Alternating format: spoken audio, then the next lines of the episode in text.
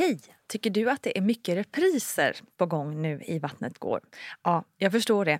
Det beror helt enkelt på att jag, Nina Campioni, just nu har en pop-up second hand i Modgallerian i Stockholm. Så min tid räcker helt enkelt inte tid att göra så många avsnitt som jag hade önskat. Men tills jag är tillbaka på full tid, kom gärna och hälsa på mig i Modgallerian. Vi ses! Hej underbara du och välkommen till ett nytt avsnitt av Gravid och förlossningspodden Vattnet går med mig Nina Campioni. Jag hoppas att du har en riktigt bra dag och att du inte glömmer bort att Vattnet går också finns på Insta, på Facebook och ja, typ allt däremellan.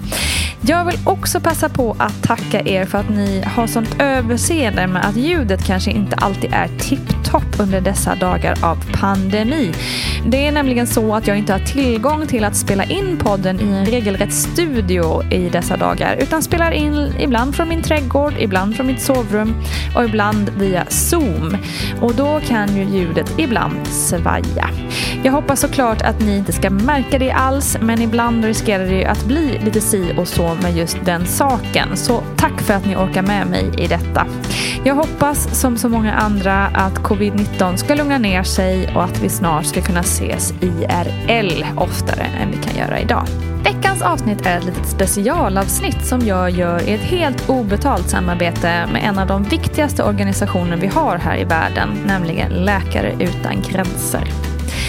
Och I samband med att Läkare utan gränser just nu gör en kampanj med fokus på covid-19 i världen så har jag fått äran att intervjua barnmorskan Lena Granqvist som under sin otroliga karriär varit ute på många olika uppdrag, bland annat i Mosambik, Etiopien och Papua Nya Guinea. Nu följer ett oerhört intressant snack om Lenas arbete i sig men också de hjärtskärande ögonblick som hon upplevt i jobbet.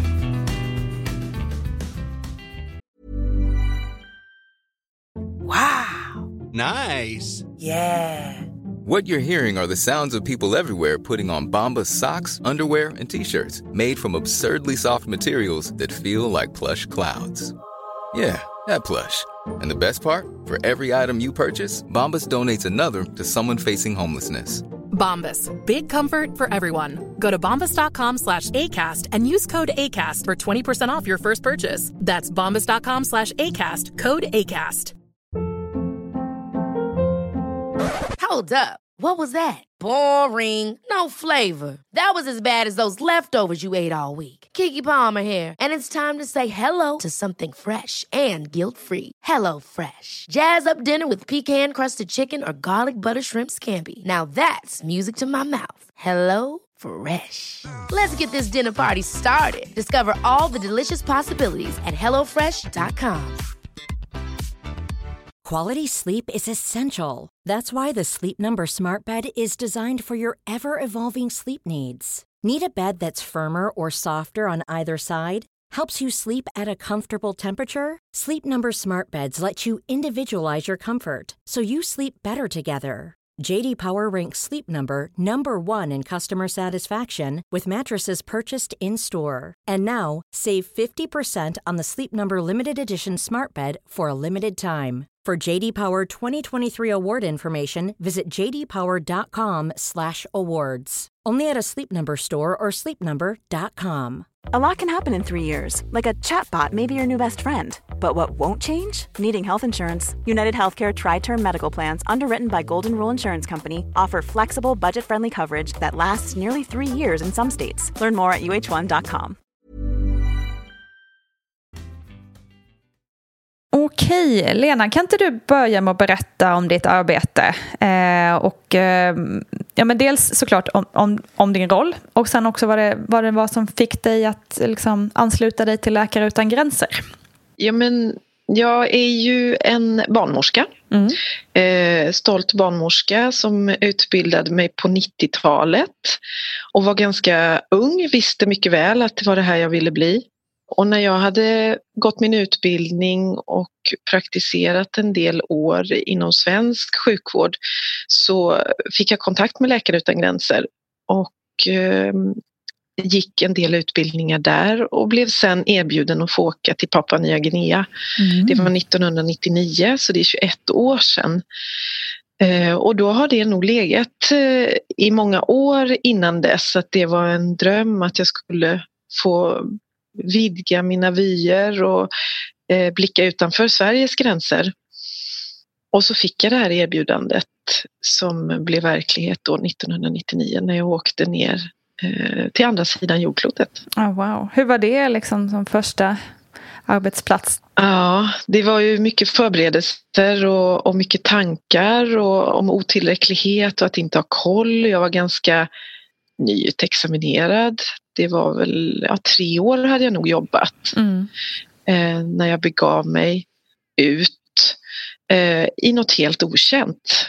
Eh, och det var, en, det var verkligen en fantastisk upplevelse. Det var en eh, upplevelse som jag bär med mig som en utav de starkaste i livet när man är nära liv och död. Och det är ju de gångerna jag har varit ute med Läkare utan gränser så när jag tittar tillbaks, för nu har man väl levt halva sitt liv och, och fått lite distans så kan jag ju verkligen se vad jag, att jag är väldigt stolt över de mm. upplevelserna och att det har utvecklat mig som människa och som barnmorska. Det kan jag verkligen förstå. Vi kommer gå in mer på, på upplevelser och, och um, tillfällen och liksom, som du har varit med om. Um, jag tänkte mer så här, rent konkret, hur funkar det om man är liksom barnmorska och jobbar med Läkare utan gränser? Är det så att man jobbar en viss tid hemma? För du eh, är i Göteborg just nu. Mm, eh, jobbar man då en viss tid på ett sjukhus eh, där, här i Sverige och sen ibland åker man iväg? Hur funkar det? Ja, det kan funka på väldigt många olika sätt. Eh, för mig har det funkat att jag har spretat lite i livet och haft en väldig oregelbundenhet i mina resor och mina utlandsarbeten och, och projekt. Eh, det jag har, nu jobbar jag i Göteborg på en reproduktionsmedicinsk mottagning och jag har jobbat på olika, både på förlossning och mödravård och, mm. eh, och så här i Sverige. Så det, man måste ju få en liten tid eh, ut från jobbet, en time-out, eh, tjänstledighet där man kan komma iväg. Och eh, det fick jag, då var jag mellan arbeten så då var det lätt för mig att bara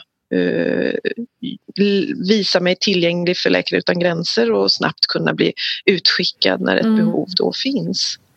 Just det, för det kan gå rätt, gå rätt fort då. Ja, det kan det ju göra. Ja. Eh, men oftast så kan man kanske ha några månaders framförhållning men det krävs en, en flexibilitet hos, hos mm. arbetsgivaren och det mm. har jag mött eh, också. En, en, stor vilja att kunna underlätta för sån här typ av arbete. Mm. Det måste ju vara väldigt givande, jobbigt förstås också men otroligt givande.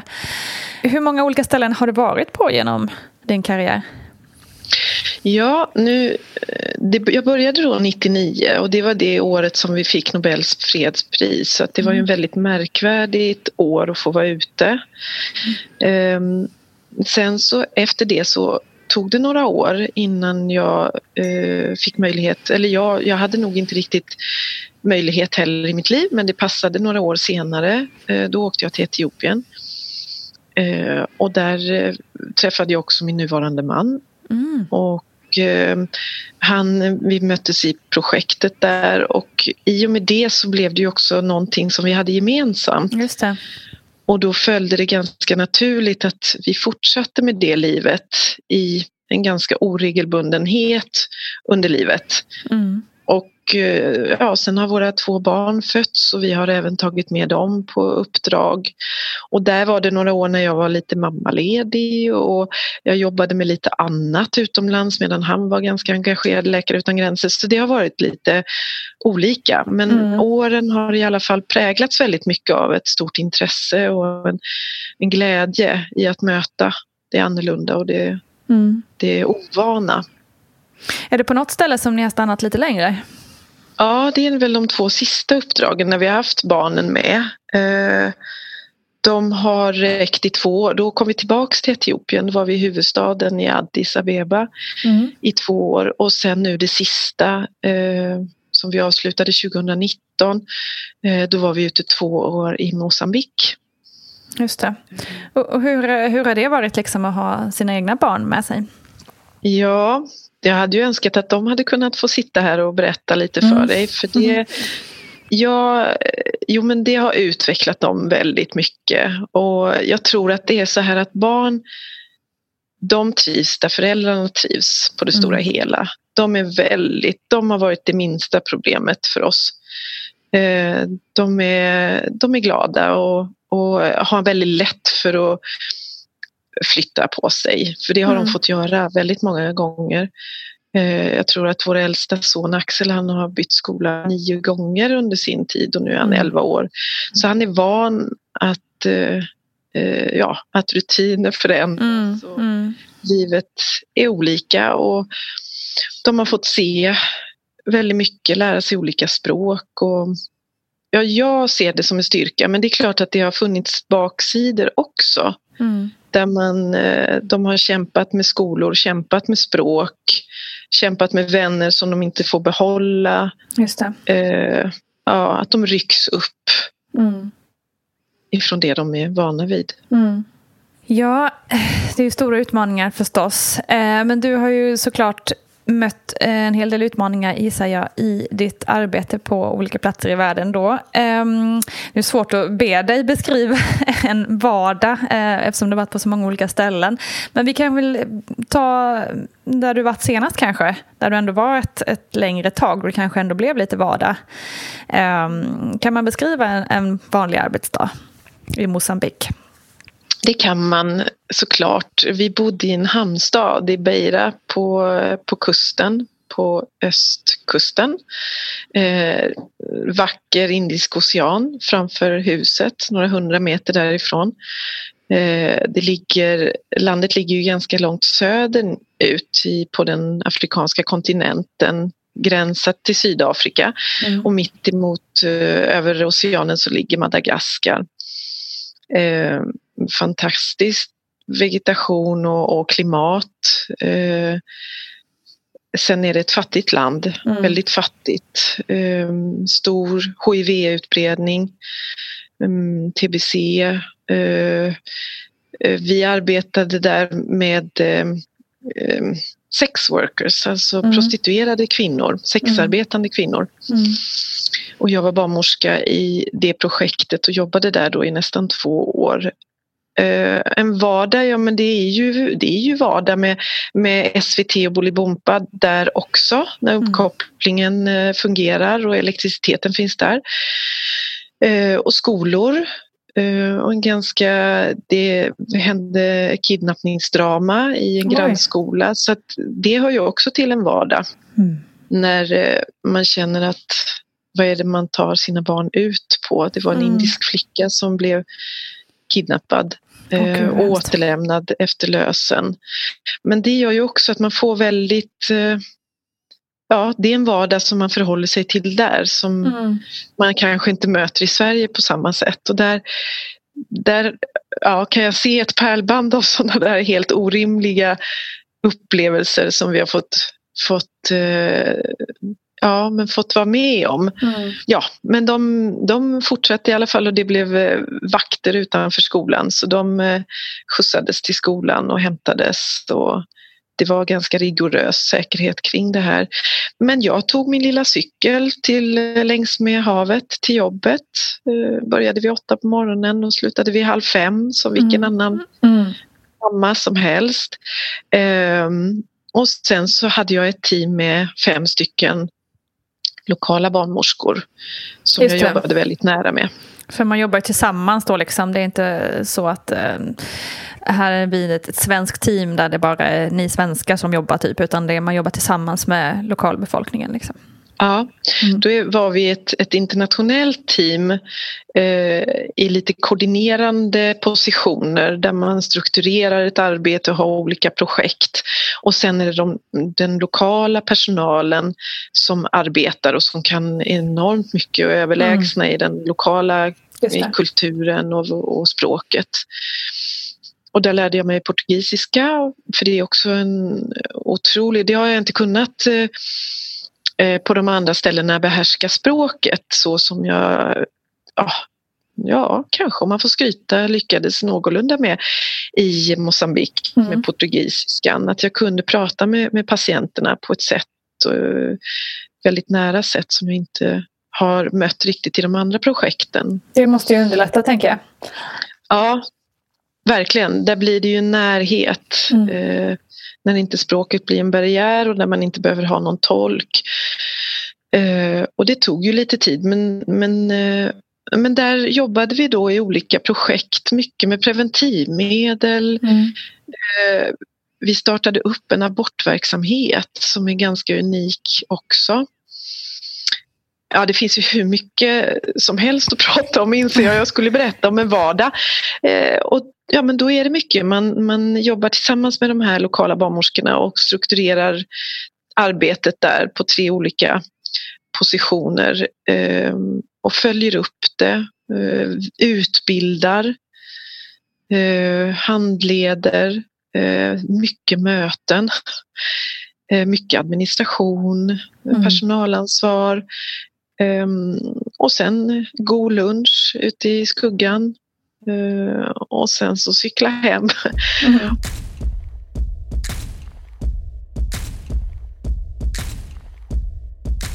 Men du berättade om den här abortkliniken som ni startade upp. Det låter ju jättespännande. Mm, eh, och det var det verkligen och det var lite revolutionerande. Det hade, det, I hela den afrikanska kontinenten så är det inte många länder där det är tillåtet att göra abort. Mm.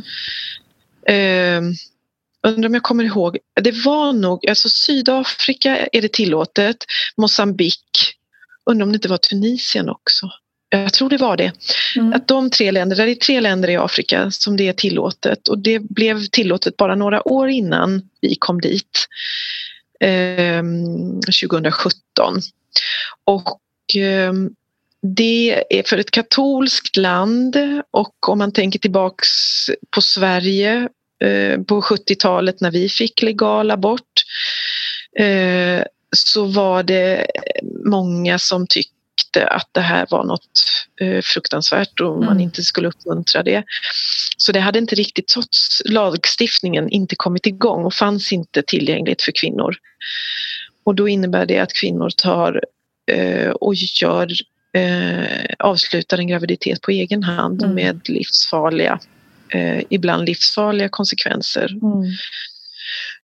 Och där fick vi då möjligheten att kunna samarbeta med de lokala myndigheterna och eh, driva igång en verksamhet eh, ute på de lokala eh, sjukvårdsinrättningarna. Och det, det kändes enormt starkt att, att det inte fanns innan jag kom och när jag åkte därifrån så var det ja, men ett hundratal kvinnor i månaden som wow. fick möjlighet med tabletter att kunna avsluta en graviditet som inte var önskad. Just det. Otroligt ju. Men hur, liksom, möttes, hur möttes möttes de här, det här initiativet? Och liksom, var det smooth sailing för er att eh, få fram det här eller var det, möttes det med motstånd? Liksom? Ja, det gjorde det verkligen. Mm. Det, eh, det märktes på alla möjliga nivåer och mycket i den katolska kulturen och religionen och, och den här ja, men mentaliteten att har en kvinna blivit gravid så, så får hon baske med skylla sig själv mm. och stå sitt kast och ta mm. det här.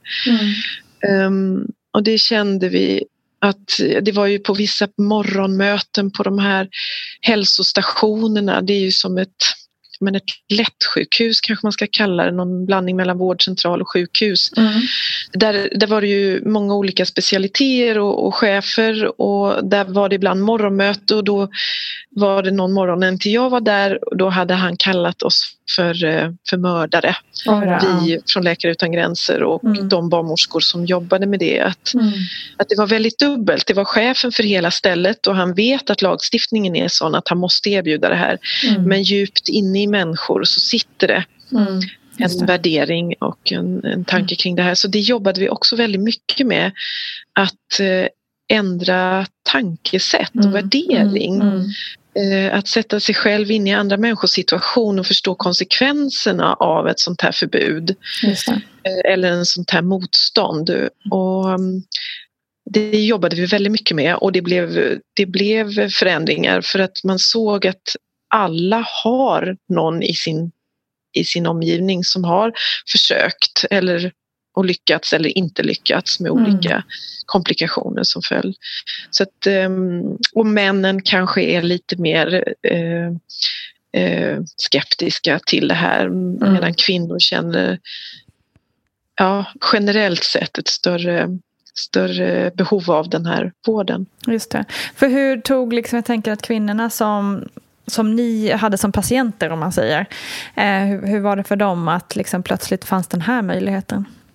Ja, men det, som jag tänker mig så är det ju revolutionerande, precis mm. som det var för oss kvinnor på mm. 70-talet. Mm. Att inte ja, åka land och rike, det hade de överhuvudtaget inte råd med, gemene man, eh, fattiga kvinnor och vi som var inriktade då på sexuellt sexarbetande kvinnor som har, ja, får de kanske ja, 10 kronor för ett samlag och ligger man hårt i så kanske man får så det räcker för mat och lite annat och hyra så är ju att inte behöva, för man, en del kunde nog få en medicinsk abort men då var man tvungen att betala många månadslöner mm, för att få en sån och då var det inte heller medicinskt uppföljt utan kanske tabletter man köpte på svarta marknaden och så mm. överdoserade man eller det var fel tabletter. Och, mm. Så för dem var det en enorm trygghet. Alltså kön växte ju fort och mm. egentligen hade vi bara ett upptagningsområde väldigt nära där det här lilla eh, projektet började men de åkte ju så långt de kom långväga ifrån för att få den här hjälpen och det spreds mm, tryggheten och mm. uppföljningen mm. och, och och då måste man också tänka att det, det man, många kvinnor kan inte läsa och skriva, har kanske aldrig gått fullt eh, i skolan och kunnat få tillgodogöra sig det här. Man har många barn, man har kanske inte förstått eller inte har, har kunnat ta, få eh, preventivmedel. Och då får man många barn och ja, så kanske inte mannen överlever eller man skiljer sig, det kan hända mycket. Och då står man väldigt, väldigt utsatt. Mm. Eh, det är svårt att tänka sig in i den situationen. Jag försökte många gånger men vi är så lyckligt lottade i den här delen av världen med vårt sociala nätverk, mm. försäkringskassa och änkepension och barnbidrag, eh, fri tandvård, fri sjukvård oh, demokrati. Det finns så mycket som vi tar för givet. Verkligen. Men det gör man inte där. Nej. Utan där har man eh, många barn, kanske själv HIV-smittad, man mm. försörjer sig på att sälja sin kropp. Eh, och eh, blir du då gravid, alltså bara, jag tror att hade vi 20-30 procent utav de här eh, sexarbetande kvinnorna som stod på preventivmedel. När man är en sexarbetande kvinna mm. som har kanske tio samlag om dagen och så skyddar du inte dig. Mm. Då kan man bara tänka sig eh, att vilken, vilken eh, ja, hur ofta man inte blir gravid på det. Just, nej, och hur mycket smitta man också utsätter sig för. Mm. Så att, att ge den här möjligheten för dem var ju Ja, den, den, tror jag verkligen räddade liv för de är desperata många gånger. Mm. Att de inte klarar av att mätta en mun till. De har fullt upp att försörja de barn de har och Eh, och där, för det kostar, ett liv kostar. Eh, mm. och även skolan, den kommunala skolan är gratis men det är ändå uniformen kostar. De ska ha skrivböcker, de ska ha blyertspennor, de ska ha en liten ryggsäck i bästa fall och någonting att äta. Och det kan ibland för vissa kvinnor vara för mycket mm. och det, då blir det så att barnen får gå hemma Eh, och inte lär sig utan de får hjälpa till istället och ta hand om småsyskon och tända elden och, och laga mat. Mm.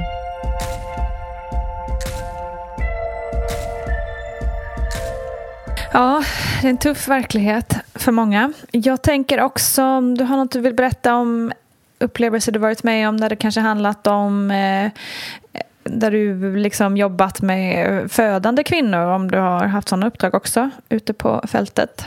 Mm. Eftersom vi ändå pratar mycket förlossningar i den här podden till vardags. Ja, det är ju, och där är ju fantastiskt för att graviditet och förlossning är ju globalt. Alltså alla, mm. vi föds ju på något sätt på samma sätt fast mm. ändå inte. Det. Alltså det är ju det är ju mänsklig eh, process, en kvinnlig process, en, den största processen. Och att få se den ur olika kulturella synvinklar har ju varit enormt berikande. Mm. Hur olika vi ser på det här med smärtlindring, hur vi ser på att anknyta an till ett ofött barn, att knyta an till ett nyfött barn, att hantera ett dött barn mm. när barnet inte överlever graviditeten eller förlossningen. Och där känner jag mig rik verkligen och det får jag aldrig nog av för att det, det ger så enormt mycket. Och där känner jag att jag kan andas när jag kommer ut för att där, har vi, där ser jag ett sånt sunt sätt att hantera mm. eh, liv och död på. Man är ju inte med om tack och lov barn som dör eh, här i Sverige. Det händer inte ofta. Eh, men det är klart att det gör ju det eh, mycket mer utomlands där mm. jag har varit. Och det första uppdraget i Papua Nya Guinea då var jag ju ganska ny och ja, lite oerfaren och jag kom till ett paradis, en söderhavsö som hade haft ett inbördeskrig. Bougainville heter det. Det ligger lite norr om Australien ute i Söderhavet. Fantastiska stränder, underbar eh, djungel och, och eh, palmer och floder och djurliv. Och ganska hårt ansatt av det här inbördeskriget som hade pågått i tio mm. års tid då eh, när jag kom, eh, när jag kom dit, slutet av 90-talet. Och mm, jag hamnade på ett litet sjukhus där vi skötte allt i stort sett. Eh, alltså det var, det var en, en mansavdelning, en kvinnoavdelning och en barnavdelning. Det var en liten röntgen, vi hade en lepraavdelning och så förlossning, mödravård, BB. Mm. Eh, och där var det lokalt duktigt anställda och så var vi tre stycken i mitt lilla team, ett väldigt, väldigt litet team. En, en eh, läkare, en kvinnlig läkare från Australien. Och så var det jag som barnmorska från Sverige och så hade vi en fransk logistiker och en chef, för han var chef också för vårt lilla uppdrag. Och jag kom ju ganska ja, naiv dit och, och eh, väldigt basala eh, förutsättningar. Det är inga ultraljudsapparater, det är inga regelbundna kontroller eh, på mödravården eh, utan där kommer man om, om det passar, om man har tid och om man mm. orkar gå. Man kollar malaria, man kollar järnvärde, man ger lite järntabletter. Man kollar att barnet, man vet inte riktigt när den blev till, man vet inte riktigt när den ska födas. Och, men där hade jag i alla fall lite allt möjligt och, och, jag vet att jag på mödravården då hade ett gäng av kvinnorna som bodde där i området och, och där var det en kvinna som jag kände att jag började misstänka att hon hade tvillingar i magen.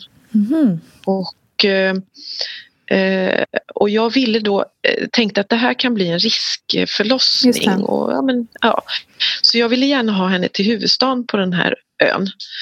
Och det berättade jag för henne och, och jag blev mer och mer övertygad med mina händer eh, att det var två barn i den där magen och hon nickade och jo, jo, hon skulle nog åka upp till Buka som huvudstaden hette. Eh, men eh, ja, eh, och det Sen så jobbade jag den där kvällen och jag vet att elektriciteten gick, tog slut, det blev en blackout. Jag hade en av mina kollegor, en sjuksköterska som var höggravid och hon kom in den kvällen. Eh, och hon hade så gärna velat ha med mig på förlossningen så jag var där med henne. Och eh, hon vankade fram och tillbaks med sina verkar och vi tände en fotogenlampa och jag, jag såg fram emot en sån där vacker förlossning mm. i fotogenljuset. Just um, och vattnet hade gått, kommer jag ihåg. Jag gick där omkring med mina flipflopskor och plaskade i det där fostervattnet. och jag kände att det här blir en fin stund. Allt var lugnt, finns inte så himla mycket att göra, inte massa CTG-kontroller, finns mm. inte. Jag lyssnar med min tratt. Mm. Det starkaste bedövning vi har det är ju Petidin. Och den var inte många som ens visste om eller frågade om utan de ändrar ställning och, och, och kvider och ynkar sig och, och så har de sina medkvinnor med sig och det är en ganska det, vi har en stämningsfull stund upplever jag. Förlåt, vad är det här petidin? Får jag bara fråga det här petidin, petidin vad, är, ja, vad är det för typ av bedövning? Ja men det använde vi förr tror jag. Det, det har vi inte. Mm. Det är ju som ett, eh, ett litet eh, ja, men ett morfinpreparat. Ah, okay. det, är ett, det, det, det är i den familjen, så en, mm. en stark smärtlindring. Det använde våra mammor tror jag. Mm. I alla fall, alltså nej min mamma hon eh, använde inget sånt men man gjorde det på 70-talet. Gav Petidin till kvinnor. Mm. Eh, men det går också över till barnet så att de ah. kan bli slöa och påverkade av det där. Så okay. Vi har ju kommit på mycket bättre smärtlindringar nu. Mm. Men det var det som fanns till hands för de här kvinnorna. Men hon frågade inte efter det så hon, hon klarade det här eh, väldigt bra. Och, och vi började, ja men det började ju bli nära att hon skulle få föda och, mm. och det gick framåt och livmoderhalsen vidgade sig och, och, vi började känna att huvudet kom ner och då knackade på den här dörren. Och jag öppnar och där står det en grymtande kvinna nästan redo att krysta. Oj. Och då tittar jag på henne så ser jag att det är den här kvinnan mm. med tvillingar, vad jag tror är tvillingar i magen. Och eh, då håller jag andan och så frågar jag henne Åkte du till Boka och kollade om det var tvillingar? Mm. Nej, säger hon. Nej, nej, det gjorde jag inte. Okej, okay, säger jag. Och då finns det inte mycket annat att göra än att lägga dem lite bredvid varandra. Mm, mm. Eh, sätta fotogenlampan i mitten och så eh, parera de här två förlossningarna och jag hade eh, eh mina kollegor eh, det fanns nog ingen annan barnmorska men jag hade sjuksköterskor som var duktiga. Mm. Och vi hjälptes åt och jag blev ganska mycket involverad på den här tvillingmamman då som kom in buller och bång så jag fick lämna min, min kollega som födde då till en annan. Eh, och eh, då så föder hon en liten flicka. Det går väldigt fort. Ett litet huvud som skymtar mellan hennes ben och, och jag får mm. ut den här lilla flickan. Och sen så märker jag ju att det är ett, ett nystan av eh, navelsträngar. Mm. Och eh, jag, jag, får ut den första, avnavlar henne Eh, och ringer på min läkare som har eh, gosat sig hemma lite till eh, och tar det lite lugnt men jag säger mm. att nu har vi nog en tvillingförlossning så nu, får du, nu, nu behöver jag dig. och den tvilling två kommer alltså inte ner, den andra bebisen lägger sig inte med huvudet före. Eh, och vi ser att moderkakan har lossnat och då är det väldigt, väldigt bråttom att mm. få ut det här andra barnet. Just det. Eh, så den läkaren som jag hade vid min sida hon går in med handen in i livmodern och får tag i en fot och drar ut eh, den här lilla tvillingflickan. Och då har det gått tid och hon är liv, eller vi känner att hjärtat slår när hon kommer ut. Men hon eh, eh, har väldigt dålig färg på kroppen och i huden och hon, hon eh, låter inte, hon är väldigt mm. slapp. Så vi påbörjar eh, hjärt-lungräddning på henne med de enkla, vi håller med tummarna på bröstkorgen och ren suger hennes mun från fostervatten och, eh, och blåser in eh, vanlig luft. Och vi håller på med det och det där är ett väldigt starkt minne för det var ju min allra första mm. eh, ja, eh, kritiska förlossning. Eh, och jag, eh, jag kommer ihåg hur vi stod med huvudena mot varandra över den här lilla flickan, jag och, och doktorn. Eh, och hur vi jobbar intensivt och hur minuterna går. Och vi aldrig riktigt känner att vi kan släppa taget utan vi bara fortsätter och fortsätter. Och hur tårarna bara kommer utan att man gråter men det är en sån otroligt stark eh, stund som man inte är förberedd på. Och eh, när det har gått 20 minuter så tittar vi på varandra och flickan kommer sig inte och mm. ingenting händer och vi börjar inse att det här kommer förenas med otroliga hjärnskador så att vi, vi bestämmer oss för att avsluta. Mm. Och det var, det var så svårt och det var mitt första, ja, mitt oh. första döda barn. Mm. Fruktansvärt. Ja. Åh oh, gud. Ja, det är otroligt starkt när jag tänker på det också. Och den här lilla levande flickan eh, som vi hade, hon lämnades ju åt sidan när vi höll på att jobba med den här eh, lilla tvillingflickan. Mm. Och när jag då säger det här till mamman att, att eh, jag tror inte, alltså hon klarade sig inte, vi, vi får inte liv i henne. Så, så så säger hon att det gör ingenting. Jag, jag förväntade mig inte mer än ett barn och nu har jag fått ett barn. Mm.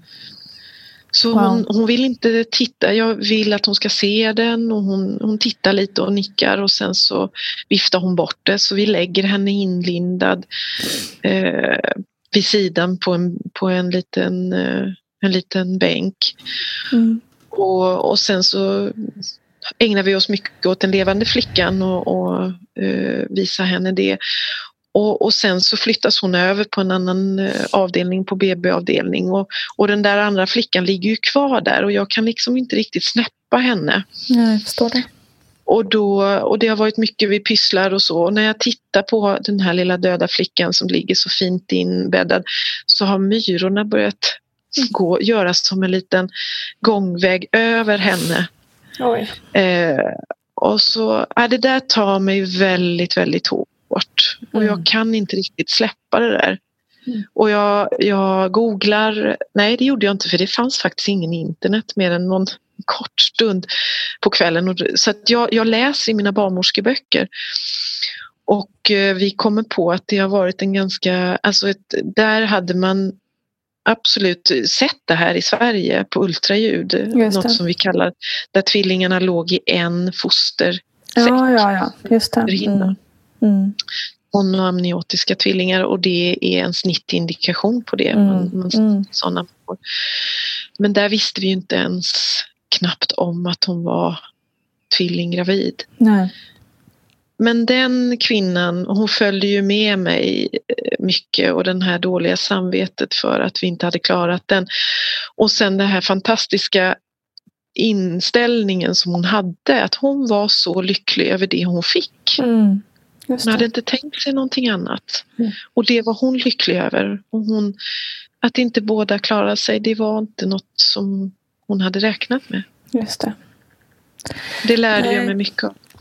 Ja, det är ju verkligen skilda världar kan man ju tänka sig för hur, hur vi hade reagerat här med all koll vi har. Liksom.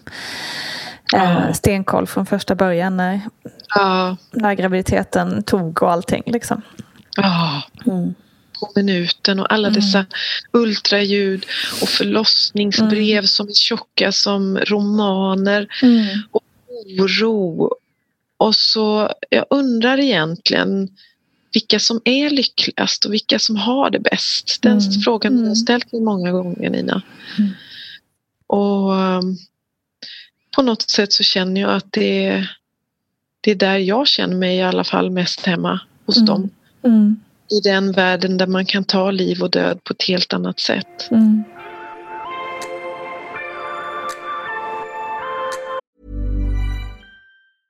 A lot can happen in three years, like a chatbot may be your new best friend. But what won't change? Needing health insurance. United Healthcare Tri Term Medical Plans, underwritten by Golden Rule Insurance Company, offer flexible, budget friendly coverage that lasts nearly three years in some states. Learn more at uh1.com. Ever catch yourself eating the same flavorless dinner three days in a row? Dreaming of something better? Well, HelloFresh is your guilt free dream come true, baby. It's me, Gigi Palmer. Let's wake up those taste buds with hot, juicy pecan crusted chicken or garlic butter shrimp scampi. Mm. Hello Fresh. Stop dreaming of all the delicious possibilities and dig in at HelloFresh.com. Let's get this dinner party started. Quality sleep is essential. That's why the Sleep Number Smart Bed is designed for your ever evolving sleep needs. Need a bed that's firmer or softer on either side? Helps you sleep at a comfortable temperature? Sleep Number Smart Beds let you individualize your comfort so you sleep better together. JD Power ranks Sleep Number number 1 in customer satisfaction with mattresses purchased in-store. And now, save 50% on the Sleep Number limited edition Smart Bed for a limited time. For JD Power 2023 award information, visit jdpower.com/awards. Only at a Sleep Number store or sleepnumber.com.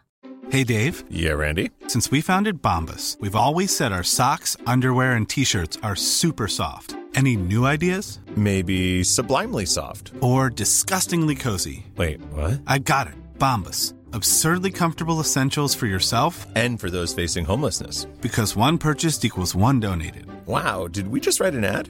Yes. Bombas. Big comfort for everyone. Go to bombas.com slash ACAST and use code ACAST for 20% off your first purchase. Hey, it's Ryan Reynolds, and I'm here with Keith, co star of my upcoming film, If, only in theaters, May 17th. Do you want to tell people the big news? All right, I'll do it. Sign up now and you'll get unlimited for $15 a month in six months of Paramount Plus Essential Plan on us. Mintmobile.com slash switch. Upfront payment of $45 equivalent to $15 per month. Unlimited over 40 gigabytes per month. Face lower speeds. Videos at 480p. Active Mint customers by 531.24 get six months of Paramount Plus Essential Plan. Auto renews after six months. Offer ends May 31st, 2024. Separate Paramount Plus registration required. Terms and conditions apply if rated PG.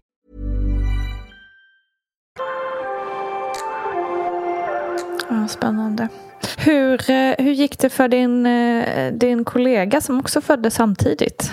Som ja, ja, det gick som så många gånger annars. Helt på automatik. Alltså, de, en kvinna kan ju föda. Mm. Hur skulle vi sett ut annars? Eh, kroppen är ju enormt stark. Barnen är enormt starka. Mm.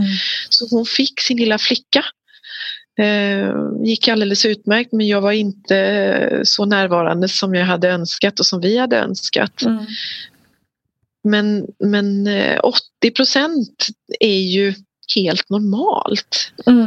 Eh, tror jag, det kanske till och med mer. Det här är gamla siffror som jag lärde mig när jag gick utbildningen för många år sedan. Men det är ju på något sätt eh, så skulle ju de allra flesta skulle ju klara av graviditet och förlossning utan, utan någon sjukvård. Mm. Men det är ju de här procenten då som vi ska hitta som Just behöver det. vår insats.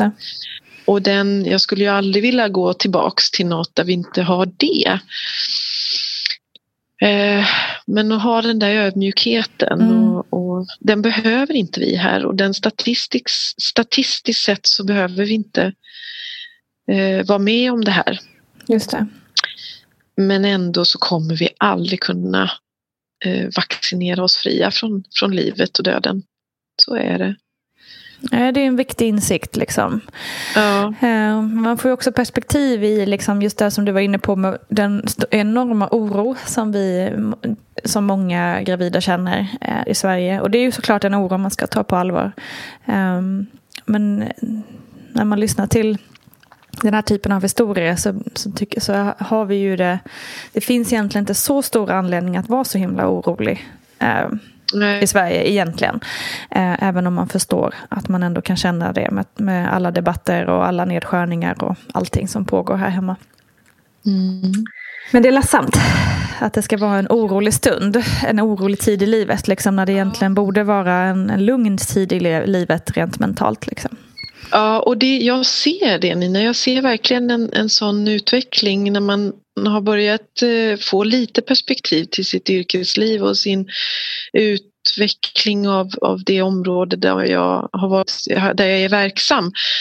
Att jag tycker ju mer vi vet och ju mer vi kan och ju mer vi gör och ju mer vi klarar ju mer oroliga och mm. ledsnare blir vi. Jag mm. ser inte alls en trygghet, ser inte alls en, en tillit.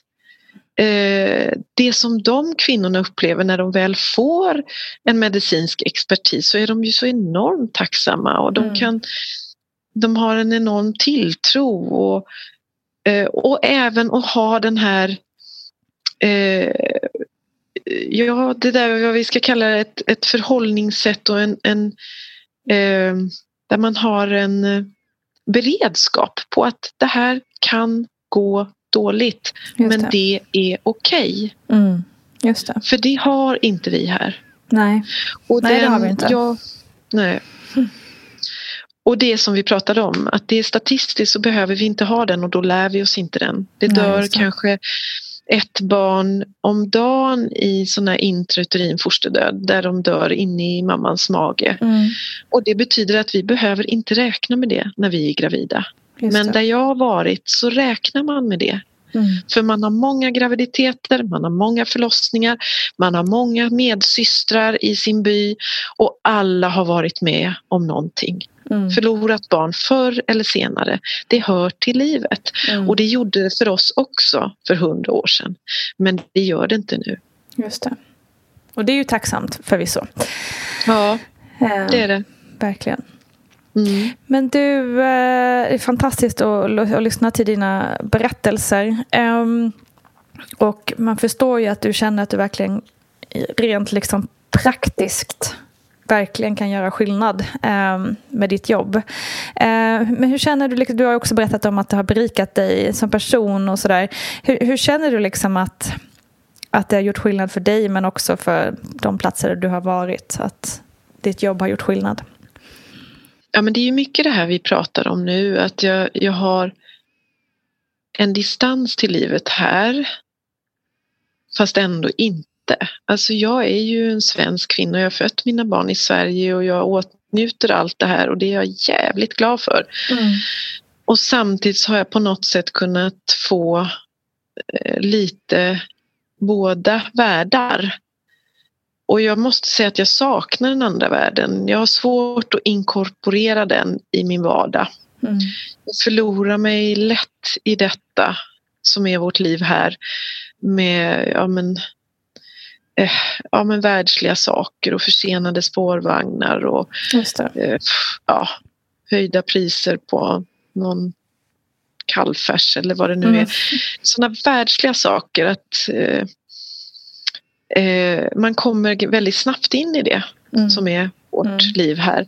Men jag har jobbat mycket med somaliska kvinnor när jag har jobbat i, i Etiopien och där jag brukar ofta tänka, nu ska du vara lite somalisk Lena, var en somalisk kvinna, inshallah, inshallah, allt det, det går som det går, det blir som det blir, det blir bra.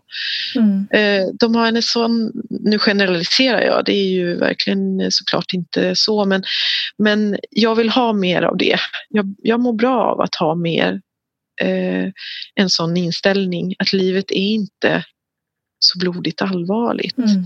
Och man ska leva livet. Man ska vara glad för det man har. Det är sådana klyschor. Eh, men jag, jag lever när jag har döden omkring mig. Mm. Eh, och det har jag inte här. Och då blir det lite, lite platt liv. Så att det har påverkat mig. Det är väldigt dubbelt därför att jag känner att jag Ja, jag saknar det där livet. Nu har vi valt att vara hemma ett tag. Barnen är väldigt glada och med fritidsaktiviteter och vänskapsband Mm. Mm. som får vara.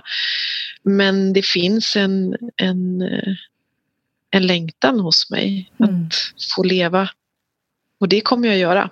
Eh, att få leva lite med dem där nere. Eh, eller le, få leva med den, den kulturen och det. Den mentaliteten. Ja, Mm. precis. Just Så det. det blir ju så, en, en, en längtan som Mm. jag inte vet hur jag ska komma över. Nej, men det är bra. Du behövs på fler uppdrag garanterat framåt. Ehm, Ja. Jag tänker, hur kan vi hemma hjälpa till för att stötta ert arbete? Ja, men alltså Läkare utan gränser har ju följt mig i över 20 år, funnits i mitt hjärta och jag ser vilket fantastiskt jobb de gör. Eh, Och där jag har fått vara en liten del i det här stora och vi, vi är många och, och ännu mer de lokalt anställda som, Mm. som gör ett fantastiskt arbete. Når ut i världens vrår eh, på de mest osexiga, ocharmiga ställen mm, där det behövs. Och där känner jag att man vill man hjälpa till med någonting och veta att pengarna går inte till en massa administration och, mm. och eh, ja, eh, extra finesser så, så, så kan man ju tryggt tänka på Läkare utan gränser. Mm. Det känner jag. Som har fått vara en del av dem och, och se var pengarna går och att det. det verkligen inte slösas mer utan det kommer ner i botten och vi är med fötterna i jorden när vi jobbar. Mm. Det är bra, det känns tryggt. Mm. Jättetacksam att få prata med dig, Lena. Man vill bara höra fler berättelser från fältet. Um, hoppas att vi kan få höra mer en annan gång, helt enkelt. För att fortsätta ditt viktiga arbete i Göteborg för tillfället. då. Det ska jag göra. Tack ska du ha. Tack så hemskt mycket. Tusen tack Lena Granqvist, barnmorska i Göteborg som alltså varit ute på många uppdrag tillsammans med Läkare utan gränser. Och just Läkare utan gränser jobbar ju överallt i världen och i rådande pandemi har ju deras arbete blivit än mer intensivt och livsviktigt. Coronapandemin är ju en global kris och Läkare utan gränser är naturligtvis i akut behov av vårt stöd för att kunna öka sin insats runt om i världen. Många års arbete med epidemier som ebola och kolera har gett Läkare utan gränser erfarenheter som man nu kan använda i arbetet mot covid-19. Så swisha ditt bidrag till 960 32 och märk betalningen gärna med tillsammans. Minsta bidrag gör verkligen skillnad. Tack kära du lyssnare som hängt med oss här idag under detta livsviktiga avsnitt där jag själv verkligen fick hålla mig för att inte bryta ut i total hulkgråt. Jag skickar en stor kram till er alla. Ta hand om er och ta vara på den otroliga vård som vi har här i Sverige. Kram på er!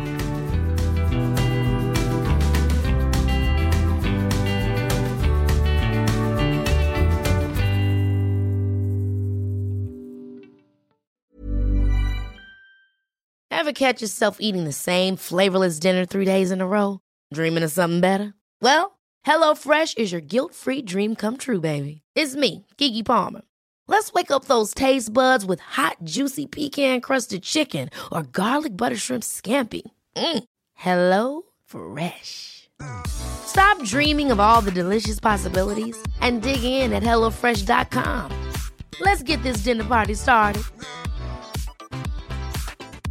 Hi, I'm Daniel, founder of Pretty Litter. Did you know cats tend to hide symptoms of sickness and pain? I learned this the hard way after losing my cat, Gingy. So I created Pretty Litter, a health monitoring litter that helps detect early signs of illness by changing colors, saving you money and potentially your cat's life. Pretty Litter is veterinarian developed, and it's the easiest way to keep tabs on your fur baby's health right at home. Go to prettylitter.com and use code ACAST for 20% off your first order and a free cat toy. Terms and conditions apply. See site for details. Planning for your next trip? Elevate your travel style with Quince. Quince has all the jet setting essentials you'll want for your next getaway, like European linen, premium luggage options, buttery soft Italian leather bags, and so much more. And is all priced at 50 to 80% less than similar brands. Plus, Quince only works with factories that use safe and ethical manufacturing practices. Pack your bags with high-quality essentials you'll be wearing for vacations to come with Quince. Go to quince.com slash pack for free shipping and 365-day returns.